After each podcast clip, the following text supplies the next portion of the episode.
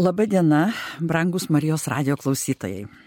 Prie mikrofono esu aš, Aldona Rusetskaitė, bet šį kartą kalbėsime ne apie kultūros paveldą, ne apie praeitį, o apie šią dieną, apie mūsų gyvenimą, kas jame vyksta, nes kultūra yra labai plati savoka ir jinai prasideda turbūt rytmetį nuo labo ryto ir baigėsi vakare su laba naktimi, visą dieną yra tam tikri momentai kultūros ir jeigu mes jų laikomis, tai esame, žinoma, tikriausiai ir patys laimingesni, ir kiti žmonės yra e, šalia mūsų laimingesni. Šiandieną aš į laidą pasikviečiau moterį, kurią Kaune tikrai gana daug kas pažįsta. Pažįsta turbūt pirmiausiai kaip gydytoja onkologė chirurgė, kuri daug dešimtmečių dirbo Kauno onkologinėme dispanseryje.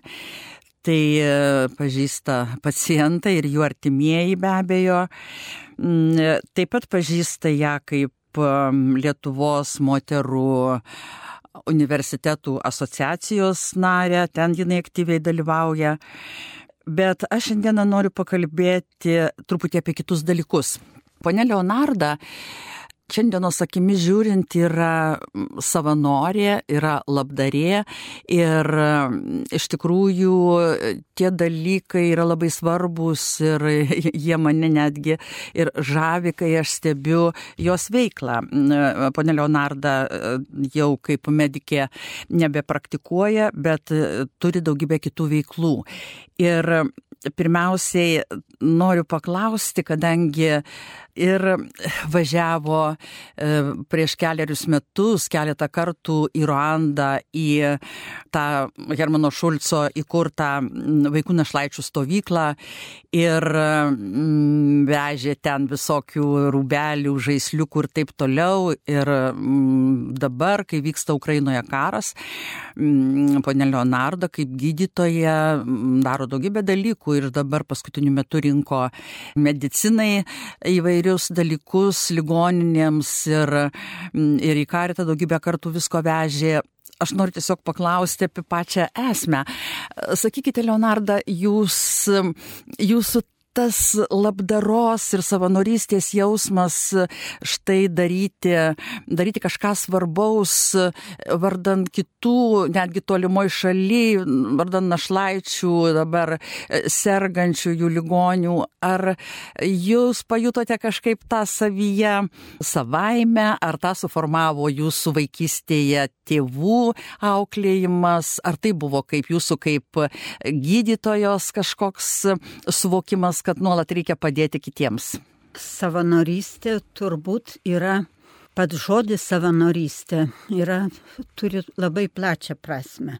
Aš savanorystę suprantu kaip savo laiko, savo sugebėjimų, savo galimybių dalintis su kažkuo kitu, kam tos mano pagalbos prireikia. Kaip jinai atėjo savanorystė į mano gyvenimą, aš tiesiog negaliu pasakyti, ar tai buvo spontaniškai, ar tai ėjo palengva. Be abejo, gydytojo darbas visada yra pagalbas silpnam, sergančiam, ta, tos pagalbos reikalingam žmogui. Bet tai yra darbas, o savanorystė tai yra darbas neatlygintinas, tu už jį nieko negauni, negauni jokių pajamų, negauni, gauni tik moralinį, didžiulį moralinį pasitenkinimą, kurio turbūt neišmatuosi jokiais pinigais ir jokiom dovanom. Savanorystė turbūt atėjo, galėčiau sakyti, taip palengva. Aš labai daug keliavau, aplankiau labai daug šalių ir vieną kartą paskutinį kartą po kelionės, tvarkydama nuotraukas, aš pradėjau žiūrinėti tas nuotraukas ir pradėjau galvoti. Štai aš matau vaizdus, vienam krašte dykuma tokia, kitam jinai gražesnė, čia miškas, čia vėl, bet kažkokio tokio pasitenkinimo, dėl ko tu visą tą darai, kodėl tu keliauji, ar tu negali kažkur tai pabūti truputėlį ilgiau, pagyventi tarptų žmonių, pamatyti jų gyvenimą. Ir kadangi labai pamilau Afriką ir į Afriką labai keliavau daug kartų, aišku, į skirtingas šalis, ir žinojau, kad Afrikoje dirba misionierius Hermanas Šulcas, lietuvis, tik vokiškos kilmės, bet jis save laiko lietuviu.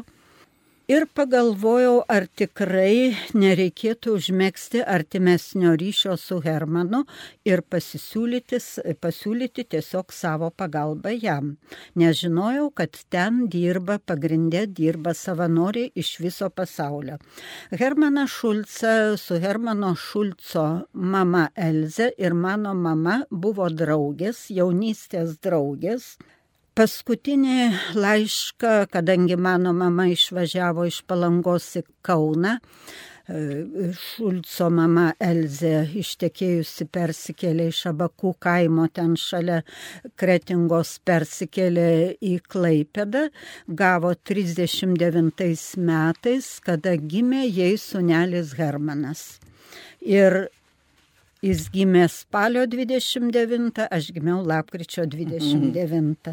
Va toks yra sutapimas. Paskui karas, pokaris, tie ryšiai visi nutrūko ir nieko mes apie jį nežinojome. Mama paminėdavo, kad turėjo tokią draugę Elzę, bet aišku, tada susisiekti tiesą. Mama po kažkiek tai laiko parašė į Klaipedą senų adresų Gėlių gatvėje adresų laišką Elzai, tačiau jokio atsakymo negavo, nes Šulce jau ten nebegyveno, jau jie buvo Vokietijoje. Mhm. Ir 89 metais ėjo toks laikraštis Gimtasis kraštas ir ten mes radome žinutę, perskaitėm nu, nedidelį straipsnelį apie kunigą misionierių Hermaną Šulcą dirbantį Ruandoje ir Bendoraitį lietuvį irgi dirbantį Amazonijoje. Na ir taip atsirado tokia viltis, kad reiškia, kad Šulcas yra gyvas, jis yra misionierius, bet vėl parašėm gimtajam krašte susižinojau adresą, davė jo adresą, parašėm laišką, bet jokio atsakymo negavom. Na ir vėl toliau taip, 94 metais įvyko baisusis genocidas Ruandoje, kada hutai žudė tucius. Dvi etninės grupuotės, išžudyta buvo milijonas žmonių ir Šulco ta sodyba buvo iki pamatų sugriauta. Ir Lietuvos aidė 95 ar 6 metais, negaliu dabar pasakyti, buvo Hermano Šulco e, ap, tiesiog straipsnis toksai, aprašyta tas visas genocidas aprašytas. Ir tenai prašymas buvo prierašas, kad aukoti lėšas stovyklos atstatymui. Ir buvo tenai adresas ir buvo duoti telefonai. Vėl to adresu parašėme laišką, pravedėme pinigus, bet atsakymo ar tai pasimetė, ar kaip aš nežinau, ir nieko, nieko vėl neįvyko. 2013 metais Hermanas Šulcas atvažiavo, e, vėliau jau jisai atsgavo, atsiemė savo tėvų žemės prie Kretingos kiekštų kaime, pastatė tenai taip pat jaunimo sodybą ir į tą jaunimo sodybą jisai atsivežė grupę vaikų iš Ruandos ir atvažiavo į Kretingą tenai su šitais savo vaikeliais. Sužinojusi tai, aš nuvažiavau į Kretingą susitikti su Hermanu Šulcu, papasakojom jam visą tą istoriją. Jisai pakvietė apsilankyti jo sodyboj ir nuo tada jau buvo internetas, nuo tada prasidėjo mūsų susirašinėjimas.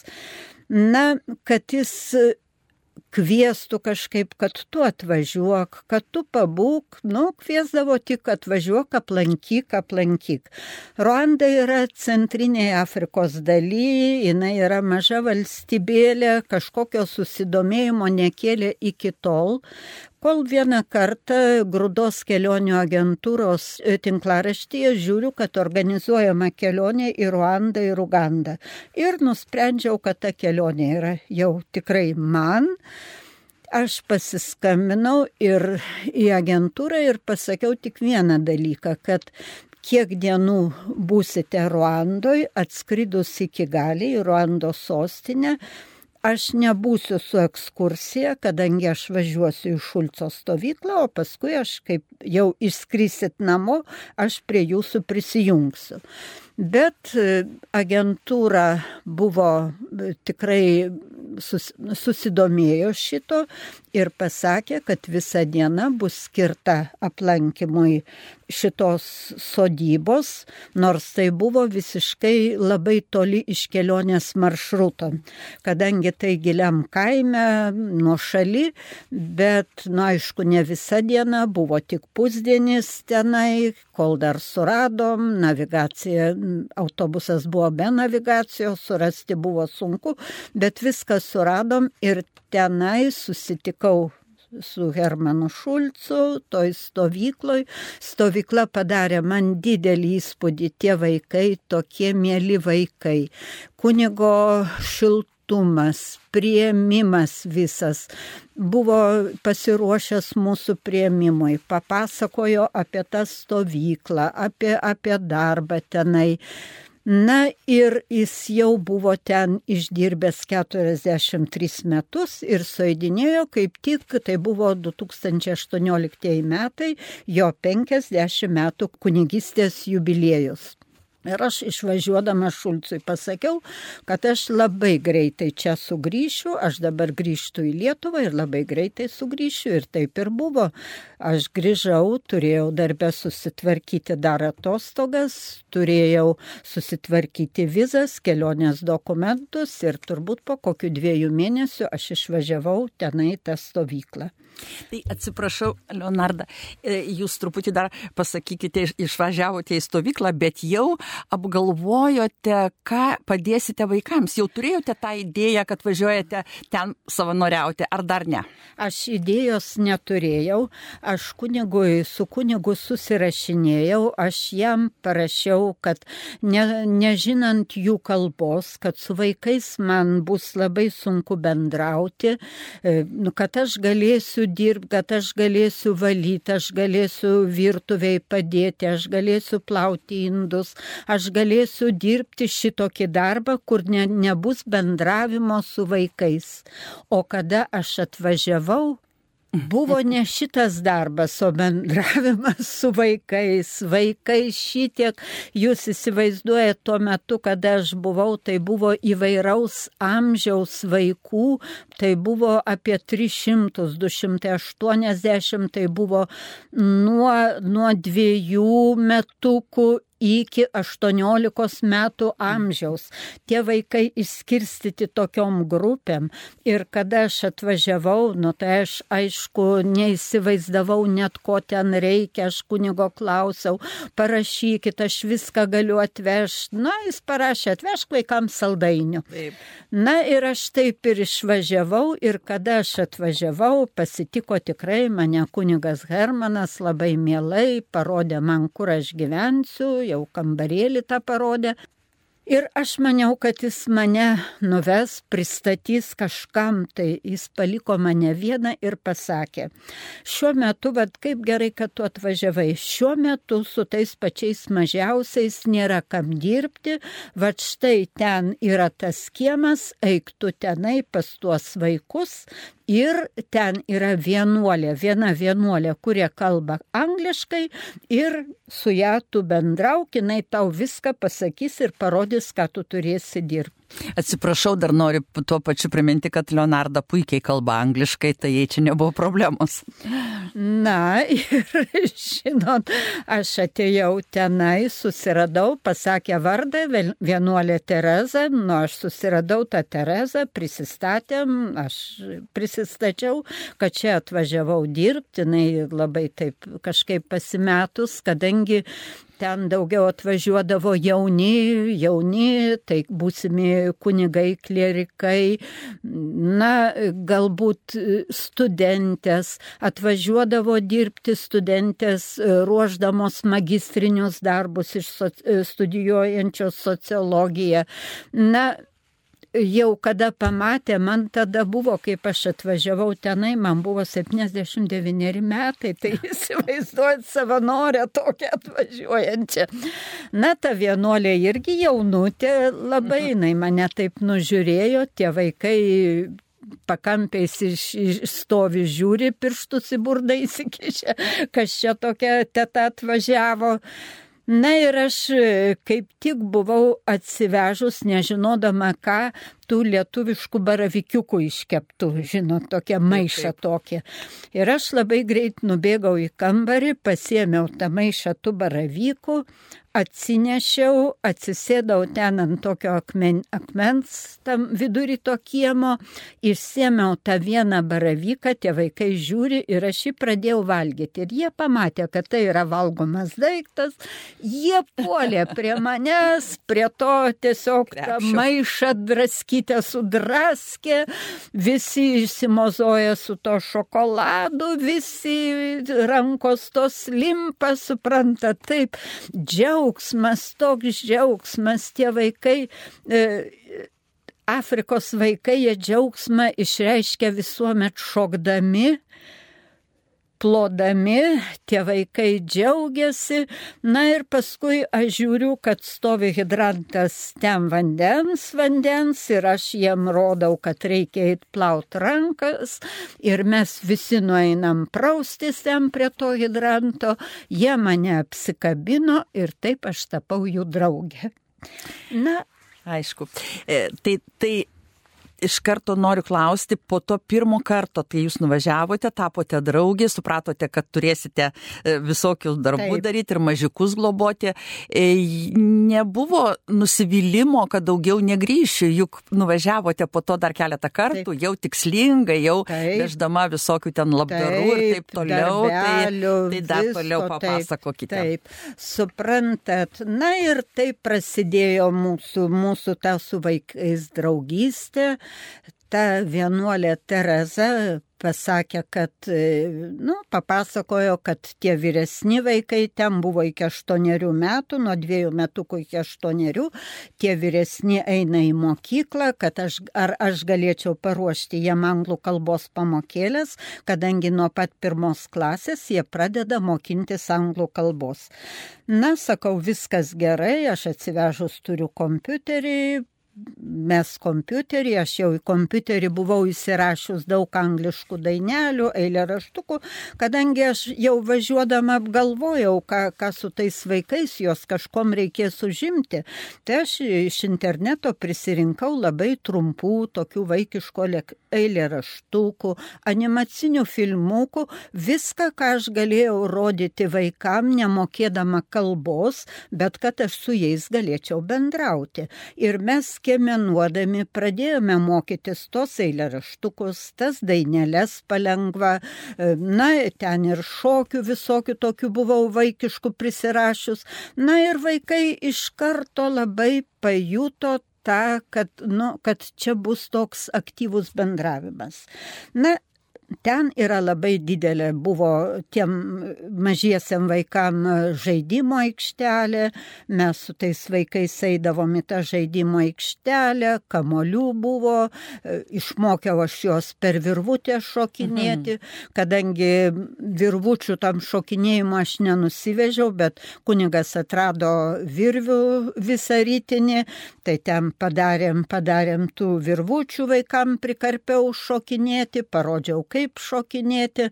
Na, paskui pradėjom braižyti e, cementas ten, e, asla tokia cementinė, klases tas, kaip šokdavom vaikystėje tom klasėm, kada me, mes galų gale aš juos, juos iš viso, jos, jie baisiai gyvi vaikai, juos susodint, aš juos mokinau tą žaidimą pelę, pelę paskažėdą žydį, na ir šitą, ir paskui mes truputį tokių buvau įsirašius lietuvišką tą siūlai, siūlai susivykit, siūlo galo nepalikit, šitą žaidimą mes žaidėm.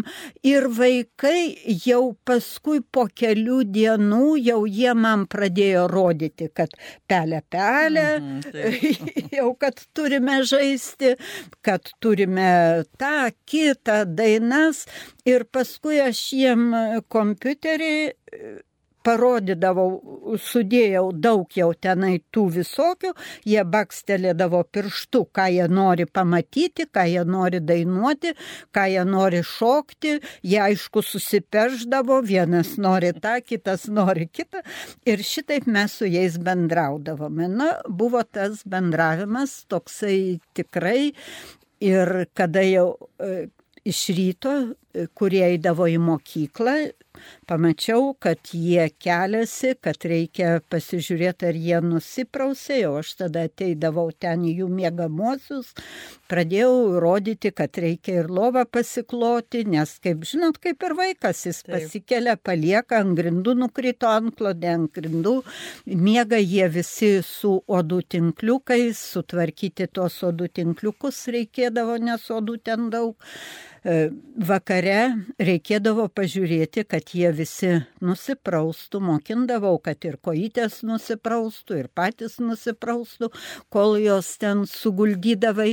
Tai vad visas šitas darbas ir būdavo, paskui, paskui ruoždavom ir tas anglų pamokėlės, kas jam būdavo užduota. Tai vėl padėjo kompiuteris, kadangi garsas yra ir tarimas, ir, ir mes skanduodavom, ir skanduoti eilutes įvairias išmokom. Taip, kad e, darbo buvo labai daug ir jis man buvo labai įdomus tas Taip, darbas. Tai vadinasi, tikrai nenusivylėte ir tikrai, tikrai tada buvote dar nuvažiavusi Taip, dar du kartus. Du kartus dar vieną du kartus. visai prieš COVID, ar ne? Prieš COVID. Ir jeigu nebūtų COVID, tai tikriausiai būtumėte dar, dar nuvažiavusi. Taip. taip, tada jau prieš COVID paskutinį kartą nuvažiavau Ir tada taip atsisveikinau su vaikais ir jie klausė, kada ar sugrįšit. Sakiau taip, taip, sugrįšiu, aišku, nežinodama, kad tikrai užsidarys tas kelias ir užsidarys keliam metam, o dabar net, net, net negaliu pasakyti, ar važiuosiu, ar nevažiuosiu. Tikrai dar ne, nesu apsisprendus, daug visokių yra dabar tikrai iššūkių ir važiuoti tikrai dabar kažkaip nelabai. Bet žinau, kad e, susirašinėjate su jais, kad Taip. jūs nuotraukų jiems Taip. siuntėte, kad juos fotografavote, kad jiems dovanojate nuotraukų ir kad jūs ten draugų turite ir kad tikrai dalis galbūt jau vaikų išėję, o kita dalis yra ir jūs atpažintų ir lauktų. Bet yra kaip yra. Yra kaip yra. Taip. Išvažiuodama paskutinį kartą, kaip kažkokia, sako, nuojauta, nors, nors aš netikiu tom visom nuojautom ir visa kita, bet aš e, pagalvojau, kad tie vaikai turi turėti kažkokį vaikystės prisiminimą. Jie nežino, ką reiškia žodis tėtis, ką reiškia žodis mama, tai įsivaizduojate tokį vaiką, kuris nežino, kai jis negyvenę šeimoje, jie yra visi pamestinukai, išmesti, pasakojimas čia būtų labai ilgas, kaip tie vaikai susirenka, kaip kunigas surenka juos. Būna, kad tiesiog randa iš ryto įmestą per tvorą vaikelį rėkianti ir jis įmestas kieno, kokia jo pavardė, kada jis gimęs, nieks nieko nežino. Ir tie vaikai, nu tokie iš niekur, jeigu taip galima sakyti. Ir aš labai norėjau, kad jie turėtų tą savo vaikystės prisiminimą ir fotografavau kiekvieną vaiką, tai prie kokio gėlės, ten labai graži teritorija, kunigas labai prižiūri tą teritoriją. Na ir mes visi turėdavom kiekvieną šeštadienį eiti tvarkyti tą teritoriją ir fotografavau kiekvieną vaiką atskirai prie kiekvieno ten kažkokio krūmo, medžio, namelio, kad jie prisimintų, kad jie turėtų prisiminimą. Ir paskui parvažiavus čia padariau gana didelio formato nuotraukas, kad nemažytės, kad jos neužsimestų kažkur. Sudėjau į vokus ir išsiunčiau tenai. Na, galvoju, gaus, negaus, žinot, Afrika. Mhm. Bet pasirodo, kad gavo po kelių mėnesių, gavo tas mano nuotraukas. Vaikai buvo nepaprastai laimingi gavę tas nuotraukas ir ten nufotografavo jau vietiniai tuos vaikus su tom nuotraukom, kur jie man visi dėkoja už tas nuotraukas. Ir aš parašiau tada tai vienuoliai Terezai, kad jūs gal dabar surinkite iš tų vaikų tas nuotraukas ir padėkite saugiai. Ir kada jie baigsis jų laikas to stovykloje, atiduosit jiem kartu su įteikimu šito sertifikato. Nežinau, kaip ten toliau yra. Brangus Marijos radio klausytojai, primenu, kad kalbuosi su gydytoja, chirurgė, onkologė Leonarda Šarakauskenė, bet kalbamės šį kartą, kaip jau suprantate, ne apie mediciną, kalbame apie kitus dalykus, apie savanorystę, apie pagalbą, apie labdarą. Ir kalbėjome apie Ruandą, ponė Leonarda galėtų pasakoti tikrai labai daug ir su nuotraukomis, ir, mm, bet dėja tokios galimybės neturime, tai grįžtame į Lietuvą, nes mm, kai tik prasidėjo šitas nelaimingas ir baisus karas, tai um, ponė Leonarda ir kaip gydytoja tą labai suvokia, ir galų gale kaip žmogus, ir, ir pradėjo rinkti labdarą, ir vežė ją ir į karitas, ir ir ėjo savanoriauti, kai tvarkydavo tą labdarą ir galop e, šeimą vieną labai paglobojo, moterį su penkiais vaikais. E, kaip e, tiesiog prasidėjus karui iš karto panorote daryti daug ir įsijungti kiek galima, taip? Man atrodo, kad kai prasidėjo karas, kiekvienas pagalvojo, ką aš galiu padėti dabar Ukrainai, ką aš galiu padėti. Aišku, mes negalim imti ginklo, eiti kariauti, važiuoti tenai, bet čia vietoj atsivėrė labai daug galimybių. Visų pirma, mes nebuvome pasiruošę tokiam dideliam pabėgėlių srautui. Bėgo moteris su vaikais, kitos atvažiavo visiškai kaip stovi, be rūbų, be nieko, Na ir be šito didelio būrio savanorių, kurie atsirado iš karto tose paskirstimo punktuose, nežinau, kaip būtumėm įsivertę. Siūlėsi tikrai ir registracijos, registracijos tose e, punktuose, nepaprastai daug labdarą pradėjo visi siūlyti rūbus, daiktus, viską. Visą tą reikėjo sukoordinuoti, visą tą reikėjo tvarkyti. Galų gale atvažiuodavo šeimos e, į Kauną, pavyzdžiui, paskirstimo punktas Kaune, nu ne paskirstimo, negražiai taip skamba, registracijos punktas Kaune, būtus gauna gyventi, gauna kažkur anykščiuose ar plungė ar telšiuose, reikėdavo žmonės be kalbos, be pinigų, be nieko, reikėdavo išvežioti, paimti tas šeiminas, nuvežti ten, pristatyti. Galų gale reikėdavo važiuoti su to moterim, tvarkyti jom dokumentus, dokumentus dokumentus, tai nemokančios kalbos vėl sunku susitvarkyti. Na, šitokia atrodo šitokių pagalbininkų atsirado labai daug, atsirado labai daug, kurie siūlė savo pagalbą, kurie tikrai vėl savanorystė, vėl čia ta pati savanorystė, tu aukoji savo laiką, tu aukoji savo žinias, man gerai, kad aš vairuoju mašiną, tai aš su mašina labai daug kur galėjau išvežioti, pavežioti, dabar su jumis kartu važiavome mhm. pas šitą moterį su penkeriais vaikais, vaikais gyvenančią vidury miškų tiesiog. Na, kiek įmanoma, jai padėjome šitai moteriai. Dar daugiau šitą moterį vežiojau švitinimui į onkologijos ligoninę, kaip, kaip jai buvo bėda. Na, kiekvienas, man atrodo, e, padėjo, kom galit. Atvažiavo ir sergančio onkologinėmis lygomis, kurias reikėjo suvesti su gydytojais onkologijos ligoniai. Su jumis kartu dar e, koncertuojančiai moteriai davėm onkologinę lygą sergančiai e, būtinus vaistus, tiesiog koncertų, į koncertų salę atvežėme.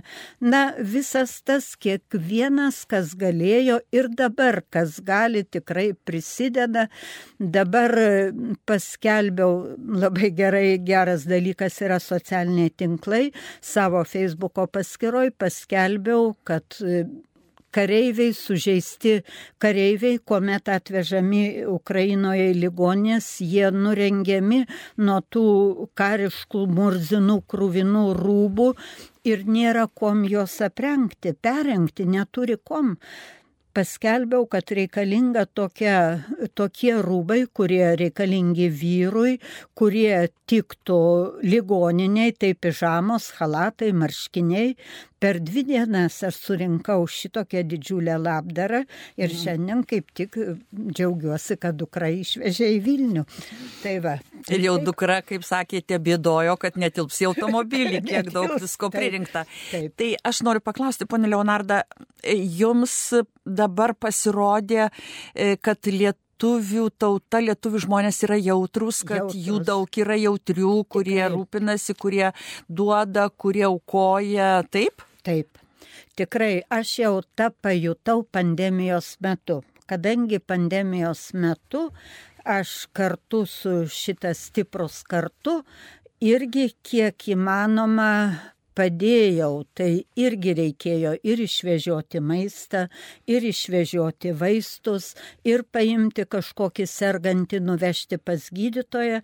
Nepaprastai buvo daug savanorių, daug žmonių ir ligoninėse, ir tuose skiepimo vėliau punktuose, registracijos punktuose važiavo žmonės ir siūlė savo laiką. Aišku, jie ne medikai, jie medicinės pagalbos negali, bet tą, ką aš turiu, aš turiu laiką, aš jį galiu aukoti. Nu, tai yra savanorystė. Jūs turite laiką, išmanote mediciną, dabar jau ir savanorystę. Aš prisiminsiu tokį truputį jokingą momentą, kaip 20-ojo e, amžiaus pradžioje, dar gal 19-o pabaigoje, mūsų garsioji rašytoja, visuomenininkė Gabrielė Petkevičiaitė Bitė, besimokydama Mintaujoje, labai troško su savo draugėmis, bendramokslėmis padėti vargstantiems, na, našlaičiams, neturtingiems, nes visos buvo iš pasiturinčių šeimų ir kaip vėliau prisiminimuose jį pati rašė, bet mes keldavom klausimą, betgi kur tuos vargšus rasti? Mes jų tiesiog nematom, nerandame.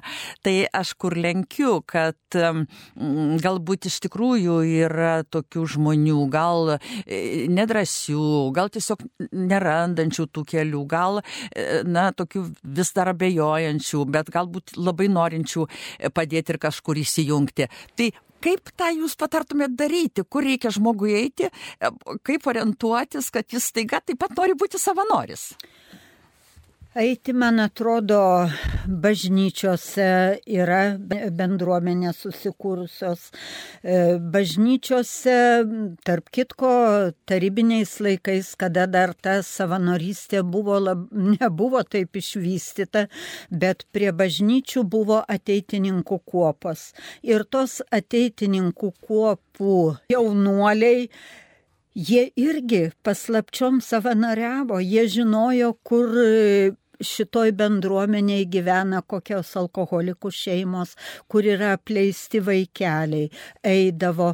E, galų gale bažnyčios, e, kadangi mano mama užsiminėjo šitą ateitininkų mm. veiklą, tai aš žinau, kad Vilijampoliai mūsų bažnyčios Rusija buvo netgi klasės, įsteigtos klasės, kur vaikai ateidavo ir būdavo mokami vokiečių, anglų kalbos, kur mergaitės buvo mokinamos kulinarijos kažkokios. Tai irgi buvo savotiška paslėpta savanorystė. Apie ją mažai kas žinojo, bet kas norėjo, visi žinojo ir visi ėjo ir ten siūlėsi ir lygiai taip pat mokyti anglų, vokiečių kalbų atsirado pensininkių mokytojų, kurios ėjo tos vaikus mm. mokė. Aš pati ten eidavau, skaičiau hygienos, apie hygieną mergaitėm paskaitas. Na taip, kad, taip, kad rasti, ypatingai dabar socialiniai tinklai mirgėte marga.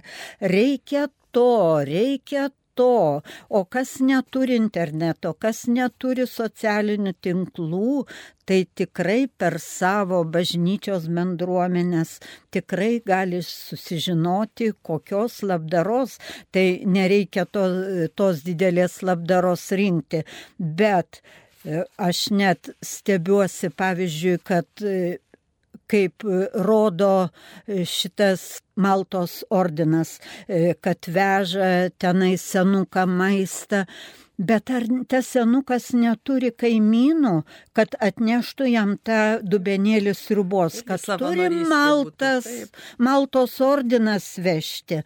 Tai vot ir savanorystė, štai tau savanorystė.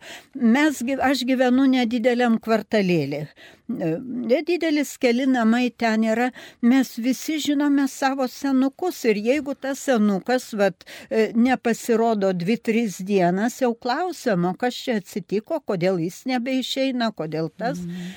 Ir neabejoju, kad, mūsų ta, kad mūsų tam kvartalėlį, nors ten tikrai gyvena pensininkų, kad Maltos ordinui reikėtų vežti dubenėlis rubos, kadangi mes pasirūpiname. Tai štai ir yra ta, ta savanorystė, toli nereikia ieškoti. Apsidairykit, o dar lengviau laiptinėse žinoti, kiek laiptinėse yra sergančių, kiek yra palikta vienų nelipančių iš lovos pasisiūlykit nueiti, kitą kartą nereikia eiti ir, ir daug kalbėti, užtenka nueiti, pasėdėti, patilėti kartu. Aš tą pajutau, kai buvo karantinas, kada senukai tie užsidarę buvo nežmoniškai įsigandę, net verkdavo vaikai, net važiuoja, kodėl net važiuoja. Jiem buvo sunku susigaudyti, kad neleidžia, kad mm. negali. Vaikai ne todėl, kad jūs pamiršo, bet todėl, kad to tokia situacija. Bet štai savanorystė, nereikia ten kažkokiu ieškoti pasauliu kitų. Taip, aš šiandieną labai noriu padėkoti mm, savo pašnekoviai, gydytojai, chirurgijai, šiuo atveju savanoriai, labdariai Leonardai Šarakauskiniai. Tikrai dėkoju, kad radote laiko, kad pasišnekučiavome. Aš žinau, kad su jumis būtų galima kalbėtis apie daug dalykų ir, ir žodžiu, ir turėtumėt ką pasakyti. O mūsų maloniems klausytojams turbūt ir norime ištarti, kad nepavarkime remti, nepavarkime rūpintis, nesakykime, kad mus išvargino Ukrainos karas, mes juk nekariaujame, mes, mes turime kantriai padėti ir suprasti ir ta savanorystė yra be galo reikalinga. To aš visiems ir linkiu ir sakau su Dievu.